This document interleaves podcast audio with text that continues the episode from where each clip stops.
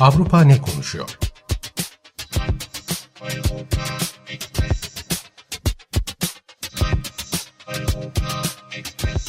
Avrupa medyasından yorumlar.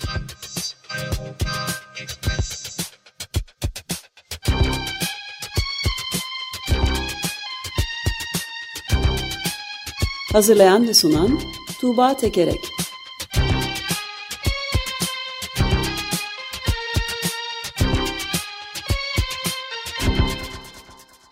Günaydın Tuğba, merhabalar. Günaydın Ömer Bey. Günaydın. Günaydın Özdeş. Evet, bugün gündemimizde ne var? Avrupa ne konuşuyormuş bakalım. Ee, Avrupa ne konuşuyor da Eurotopics bültenlerinden derlediğim haber ve yorumlarda ilk sırada futbol var. Ee, Katar'da Erkekler Futbol Dünya Kupası 20 Kasım'da yani iki buçuk hafta sonra başlayacak. Ee, bu Dünya Kupası Katar'a verildiğinden beri gündeme gelen e, Katar'ın insan hakları ihlalleri yapan bir ülke olduğuna dair eleştiriler var. E, bu eleştiriler gittikçe artıyor e, kupanın başlangıcı yaklaşırken. E, eleştirilerin artmasının yanı sıra bir takım protestolar da var. E, şöyle ki Fransa'da e, bazı belediyeler e, Katar Dünya Kupası maçlarını e, dev ekranlardan gösterip e, böyle açık kamuya açık gösterimler yapmayacaklarını ne açıkladılar bir protesto yöntemi olarak. E, önceki e, kupalarda e, bunu yapıyorlarken e, Katar hem insan hakları sicili nedeniyle hem e, işte bu stadyumların inşaatında çalışılan çalıştırılan e, göçmen işçiler bunların ölümleri, onların haklarının ihlal edilmesi nedeniyle Ayrıca stadyumlarda kullanılan yöntemlerin e, çevreye son derece zarar veren iklim e, değişikliğine e, katkıda bulunan karbon salınımına neden olan e, yöntemler olması e, nedeniyle e, eleştiriliyor. E, em, ilk olarak Lille, Fransa'dan Lille Belediyesi bunu e, açıklıyor, sosyalist bir belediye. Ama daha sonra sağ ve sol siyasetten e, diğer belediyeler mesela Mars Marseille, Bordeaux, Strasbourg ve son olarak da Paris e, buna katılıyor. Ve hani çok e, güçlü olmasa da işte aslında or, orada çıkıp oynamamak hani boykot etmek e, yönünde de e, bir takım e, çağrılar var. E, hükümet sözcüsü şöyle demiş bu çağrılara karşı Fransa'da e, bugün olsa Katar'a ev sahipliğini vermezdik ama bir şeye 10 yıl önce ve 100 ülkeyle birlikte karar vermiş vermişken birkaç hafta önce süreci tersine çevirmek mümkün değil e, diyor. E, The Times gazetesinde e, bu e, otoriter ülkelere spor etkinlikleri verilmesi konusunda verilmesini destekleyen bazı argümanlar var. The Times gazetesindeki yorumcu bu argümanları ele almış ve çürütmüş. E, şöyle diyor yorumcu, e, bu yorum e, destekleyen yorumlardan bir tanesi ama kimse mükemmel değil. Böyle bir savunma hattı çiziliyor. Buna verilecek cevap kimse mükemmel değil ama sorunların boyutunun da bir önemi var e, şeklinde. Ayrıca FIFA'nın şu favori argümanı var. Bu organizasyonlara ev sahipliği yapanlar, yapan ülkelerde bunlar reformlara yol açar. Bu argüman da Çin'in 2008 yaz olimpiyatları kapsamında uyguladığı baskılar ve Rusya'nın 2014 ve 2022 yıllarında komşusunu iki kez işgal edilmesiyle etmesiyle çürütülmüş oldu diyor. E, Katar'a daha olumlu yaklaşan, anlayışla yaklaşan e, bir yorum aktarayım Der Spiegel gazetesinden, e, der, dergisinden.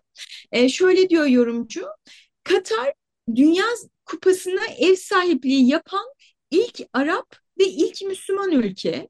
Katarlılar bundan gurur duyuyor ve şampiyonayı dört gözle bekliyor. Şu net, Katar bir otokrasi ve ülkede kuvvetler ayrılığı yok.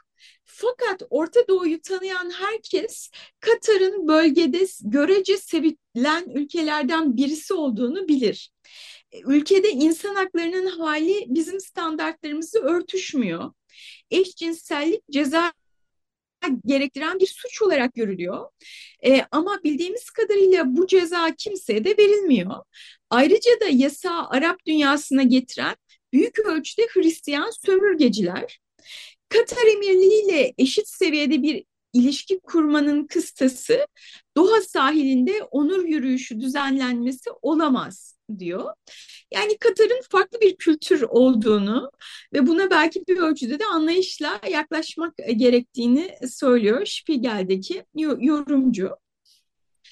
Ee, öte yandan son olarak da e, e, Belçika'da Le, Le Soir gazetesinden bir yorum aktarayım. Katar'da faaliyet gösteren bir iş adamı George Şebip e, burada Avrupa'nın yaptığı ya da Fransa'daki bu belediyelerin aldığı e, protesto kararlarının bir ikiyüzlülük olduğunu söylüyor. E, şöyle demiş bu iş adamı. Tartışmanın hararetine bakınca gezegenimizin iki derece daha ısınacak olmasının tek suçlusunun Katar olduğu izlenimine kapılıyor insan. Dünyanın geri kalanına bu konuda ders vermek istiyorsanız Avrupa biraz daha tutarlılık ve her şeyden önce tevazu göstermeli. Paris Belediye Başkanı madem gezegeni kurtarmak istiyor, öyleyse neden Paris'e yönelik giderek artan turist akınını engelleme kararı almıyor demiş. Böyle yani Avrupa'nın Katar'ı suçlaması e, ama e, yani kötülüğün bir ölçüsü az ya da çok olmasının bir fark e, bir şey değiştiriyor mu değiştirmiyor mu? Peki Batı ne yapıyor ekseninde yürüyen tartışmalar var Katar Dünya Kupası ile ilgili. İşte iki hafta sonra kupa başladığında bu tartışmalar daha da hararetlenecek muhtemelen. Evet aynen bu büyük bir paralellik var e, zaten e, COP27 diye adlandırılan iklim zirvesiyle de ilgili bu biraz önce konuşuyorduk e, ilk yarım saatlik blok içinde konuşma fırsatımız da biraz olmuştu. Yani bütün dünyada aslında büyük bir riyakarlığın egemen olduğu görülüyor. Yani Mısır'ın tam bir polis devleti olması na rağmen bu COP27'nin yönetimini ona bırakmaları, bütün dünyanın seyretmesi e, hakikaten gö göz yaşartıcı bir yani insanın gözünü tersinden yaşartacak bir riyakarlık doğru. Aynı şey Katar içinde. Biz veririz reformlara yol açar diye. Yani Mısır'daki diktatörlüğü de darbe sonucu gelmiş askeri diktatörlüğün 60 bin üzerinde en az 60 bin siyasi tutuklunun bulunduğu ve tüm polislerin de herkesi kontrol ettiği bir durumda gösterici iklimle ilgili laf etmek bile mümkün olmayacak yani gösteri e, sadece telefonları falan kontrol ediyorlar. Aynı şey Katar'da da var. Onun için söyleyecek de çok şey var yani aslında buralara verilmemesi gerekiyordu. Durum farklıydı denmesi çok e, acayip bir şey yaratıyor. Yalancılık örneği yani. Evet, burada bu, bu tip tartışmalar olurken e, iklim değişmeye devam ediyor. Bu iklim değişikliğinin son derece çarpıcı örneklerini de görüyoruz. Örneğin İspanya. E, hatırlarsınız e, birkaç hafta ya da 3-5 hafta önce İspanya'da buz küpü krizinden bahsetmiştim. Evet. E, hava, havalar e, çok sıcak e, gittiği için herkes buzlara hücum ediyordu ve ortada buz kalmamıştı. Ş yazı böyle çok sıcak geçiren e, İspanya sonbaharı da son derece sıcak bir şekilde geçiriyor. İşte 1961'den bu yana en sıcak Ekim ayı yaşanmış hava sıcaklığı 30-35 derecelerden bahsediliyor. Hatta yangın riskinden bahsediliyor. Yangın riskini bertaraf etmek için önlemler alınmaya devam ediliyor. Ee, İspanya'da özel olarak e, hava sıcaklıkları çok yüksek ama Avrupa'nın genelinde de e, hani ufak bir parantez açayım e, havanın ısınıyor olması bir yandan e, şey açısından iyi görülüyor. Yani hani Rusya'dan gelen e, doğal gazın kesildiği bir dönemde ve kış soğuklarının korkuttuğu bir dönem, dönemde aman hava bizden yana rahatlaması var bir yandan. E, ama tabii mesele bu kadar e, şey basit değil sadece bir yıllık ve Rusya için e, Rusya'nın yap politikasına bağlı olarak değerlendirilebilecek bir şey değil. E, iklim değişikliği açısından son derece e, korkutucu bulunuyor bu durum ve ayrıca yani sadece sıcak değil aynı zamanda yağmurdaki düşüş çok önemli. E, İspanya e, ülke genelinde uzun süreli ortalamanın yüzde 25 altında yağış almış. Bu son bir yılda ve hatta bazı bölgelerdeki bu yağış düşüşü yüzde 50'ye varmış durumda. Yani kuraklık çok ciddi e, bir mesele e, olmaya başlıyor e, İspanya için ve bunun için hem teknik olarak hem kültürel olarak neler yapabiliriz yorumlarını görmek mümkün e, gazetelerde. Örneğin El Mundo'da bir yorumcu işte acilen Kaliforniya ve İsrail'deki gibi atık su geri dönüşüm teknolojilerine yatırım yapmalıyız diyor. E, La Vanguardia'dan bir yorumcu e, kuraklık ve iklim değişikliği tüm alanlarda acilen ve kararlılıkla yeni bir su kültürünün teşvik edilmesini gerektiriyor. Hayatımızı daha az su tüketerek idame ettirmek gerektiği gerçeğini kabullenmeliyiz. Zira su giderek daha kıt ve daha pahalı hale gelecek diyor. Ee, İspanya'da iklim değişikliğinin yansıması bu şekilde. Evet yani İspanya'da değil tabii sadece tabii Avrupa'da da yani Dünya Meteoroloji Örgütü'nün çok ağır bir değerlendirmesi vardı. Yani ağır derken insanlık adına yani toplumlar, ekonomiler ve ekosistemler için felaket getirecektir. Yangınlar, sıca aşırı sıcak dalgaları, seller ve diğer iklim e, yıkımları diye e, veriyor ve Avrupa'nın zaten ortalama dünya ortalamasının iki kat hızla, hızla e, şey yapma sıcak dalgasına maruz kaldığı da hatta bir de örnek vermiştik. Fransa'daki 140 yıldan beri ilk defa bir kasabanın e, Ekim ayını tamamen buzsuz geçirdi. Rekorların kırıldı yani muazzam derecelere yükseldiği görülüyor. Ama e, aynı şey bütünüyle dünya için de geçerli. Bu da bir büyük bir riyakarlık sonucu. Yani Greta Thunberg'in son e, kitap e, çıkardığı iklim kitabı onun tanıtımı vardı filminde de söylediği gibi aslında bunun fark etmekte direnmemiz önemli en önemli sorun bunu kabul etmemekte bir önce iklim krize kriz dememekte olduğunu söylüyor ki medyanın da çok ağır suçlu olduğunu söylüyor. Nitekim böyle devam ediyor yani. Evet, e, medya demişken siz sosyal medyaya e, geçelim. E, Elon Musk'ın Twitter'ı e, satın alması 44 milyar dolara bu da Avrupa medyasında, köşe yazılarında tartışılan, konuşulan, bundan sonra sosyal medyanın geleceği nasıl olacak e, diye e, tartışılan e, meselelerden bir tanesi. E, bir yandan e, Elon Musk gibi düşünenler var.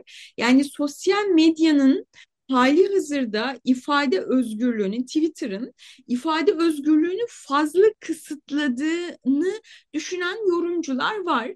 E, Fransa'dan e, sağcı bir gazete Le Figaro'dan bir e, yorum aktarayım.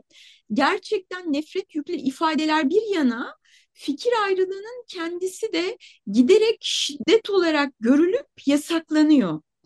Twitter'da kimi hesapların engellenmesi kararları keyfi ve daha da kötüsü siyasi güdümlü.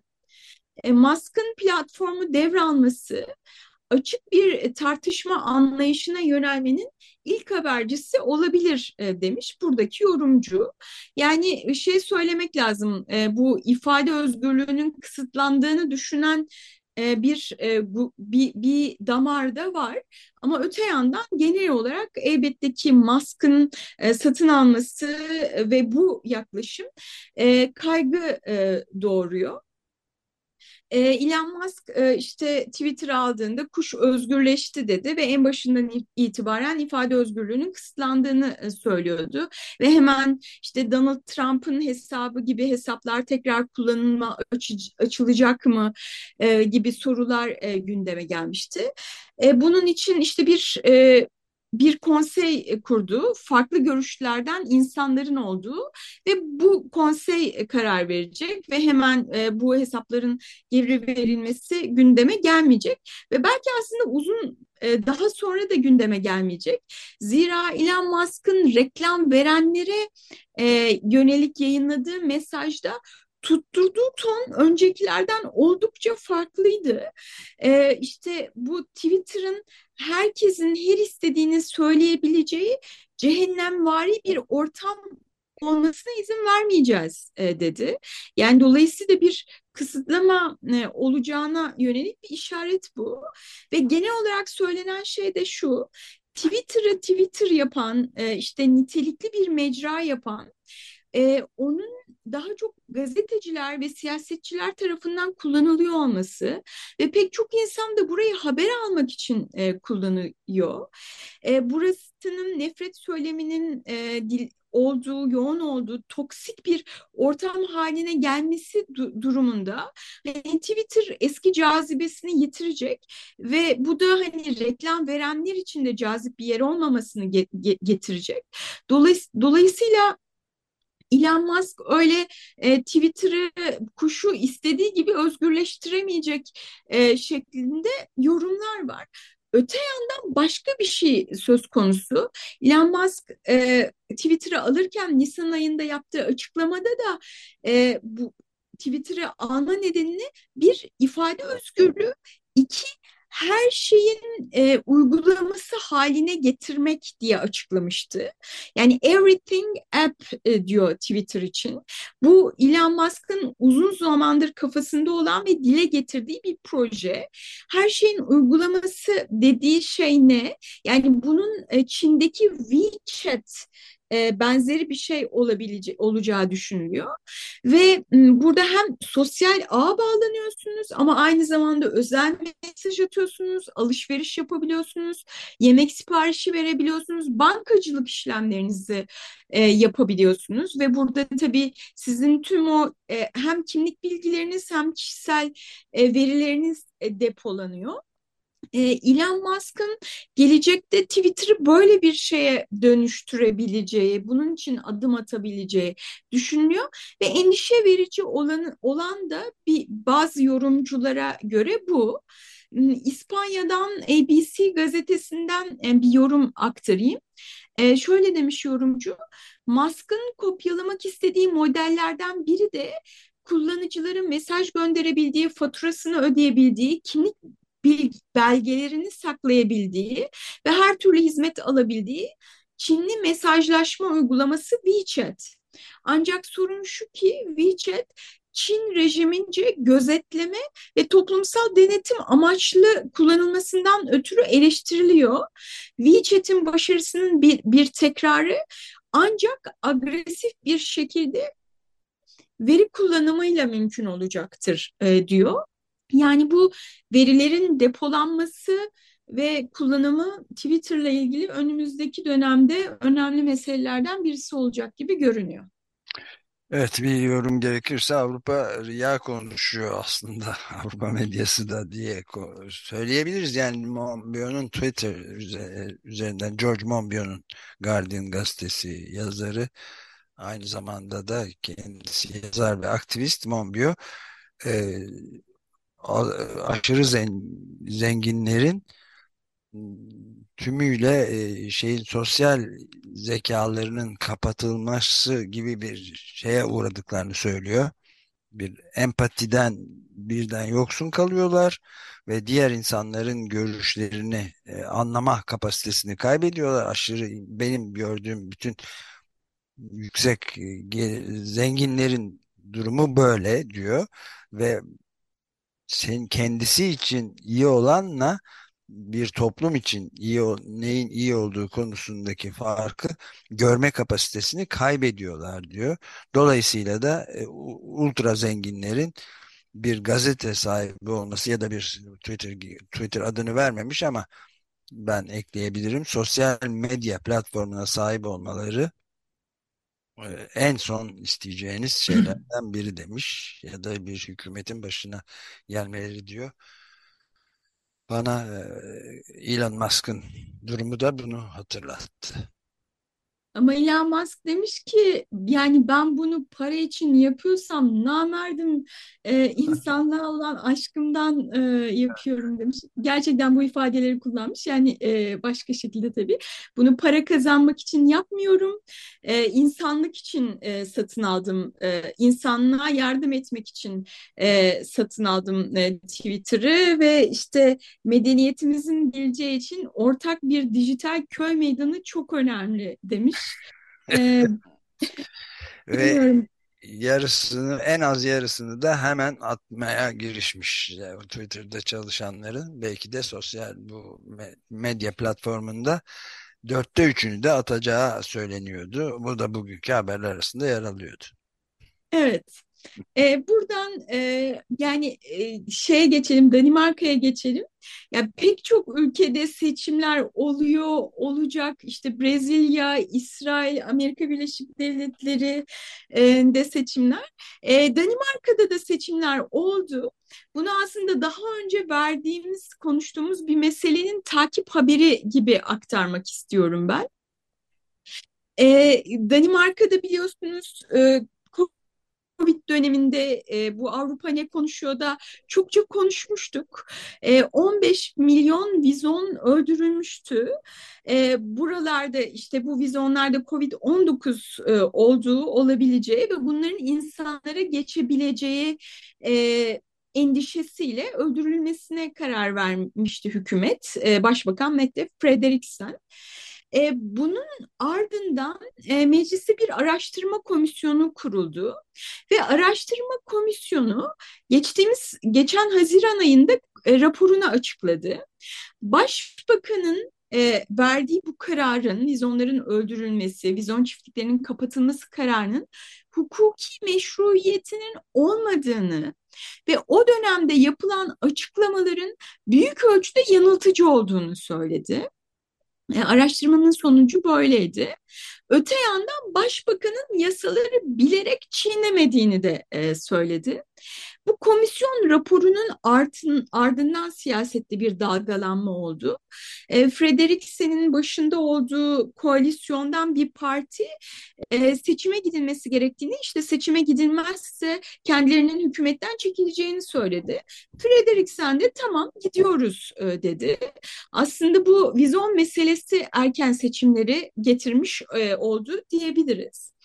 E, bu arada Frederiksen'in tamam demesinin e, yani erken seçimi gerekçelendirmesinin e, gerek sunduğu gerekçelerden birisi de şuydu. İçeride ve dışarıda birlik ve beraberliğe ihtiyaç duyduğumuz bu dönemde geniş tabanlı bir hükümet e, kurmalıyız. Yani hem bu erken seçim bir güven oylaması gibi olacak. Çünkü işte ülkede enflasyon, enerji krizi, e, dışarıdan gelen işte Rusya'nın savaş tehdidi e, Danimarka'nın açıklarındaki deniz sahasındaki boru hatlarında sabotaj olmuştu hatırlarsınız. Tüm bu ortamda bizim geniş e, tabanlı bir koalisyona ihtiyacımız var. Yani şu andaki gibi sol bir koalisyon değil, sağ partilerin de olduğu bir e, koalisyona ihtiyacımız e, var diyerek e, gitmişti seçime ve seçim kampanyası boyunca da hep bunu söyledi. Netice olarak Frederiksen'in başında olduğu sol blok ya da kırmızı blok E, sadece bir sandalye farkla e, mecliste çoğunluğu yeniden aldı ve dolayısıyla Frederiksen şimdi gayet kolaylıkla bir sol e, koalisyon kurabilir. E, ama kampanyada söylediği gibi geniş tabanlı bir e, hükümet kurmak istiyor. Burada Danimarka'da Danimarka yani o koalisyonun da işte ne kadar güçlü olabileceği, ne kadar istikrarlı olabileceği, diğer sol partilerin buna nasıl yaklaşacağı falan e, bir mesele. E, şey önemli e, yani bu Danimarka örneğinde gördüğümüz kriz zamanından geçiyoruz.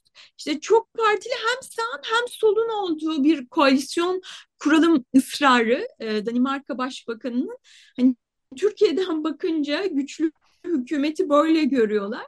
E, bu açıdan enteresan onu aktarmak istedim. E, Frederiksen şimdi işte koalisyon için e, görüşmelere başlayacak yakında. Evet, böyle sürenin de sonuna geldik ama bir küçük not ekleyeyim. O, o vizyonların öldürülmesiyle ilgili tartışma varken daha önce de konuştuğumuz gibi e, o vizyonlar niye besleniyor? Öldürülmek üzere, kürk yapılmak üzere değil mi? Bunu konuşan yok mu hiç? Ee, evet, bunu konuşan yok. Belki daha çok işte Danimarka ne, dünyanın en birinci kürk ihracatçılarından bir tanesi. İşte ekonomik şeyleri e, açısından da daha çok değerlendiriliyor. Evet. Peki. Çok teşekkür ederiz Tuğba. Hoşçakalın. Eurotopics bültenlerinden bu haftalık da bu kadar. Gelecek hafta görüşmek üzere. Görüşmek üzere. Görüşmek üzere.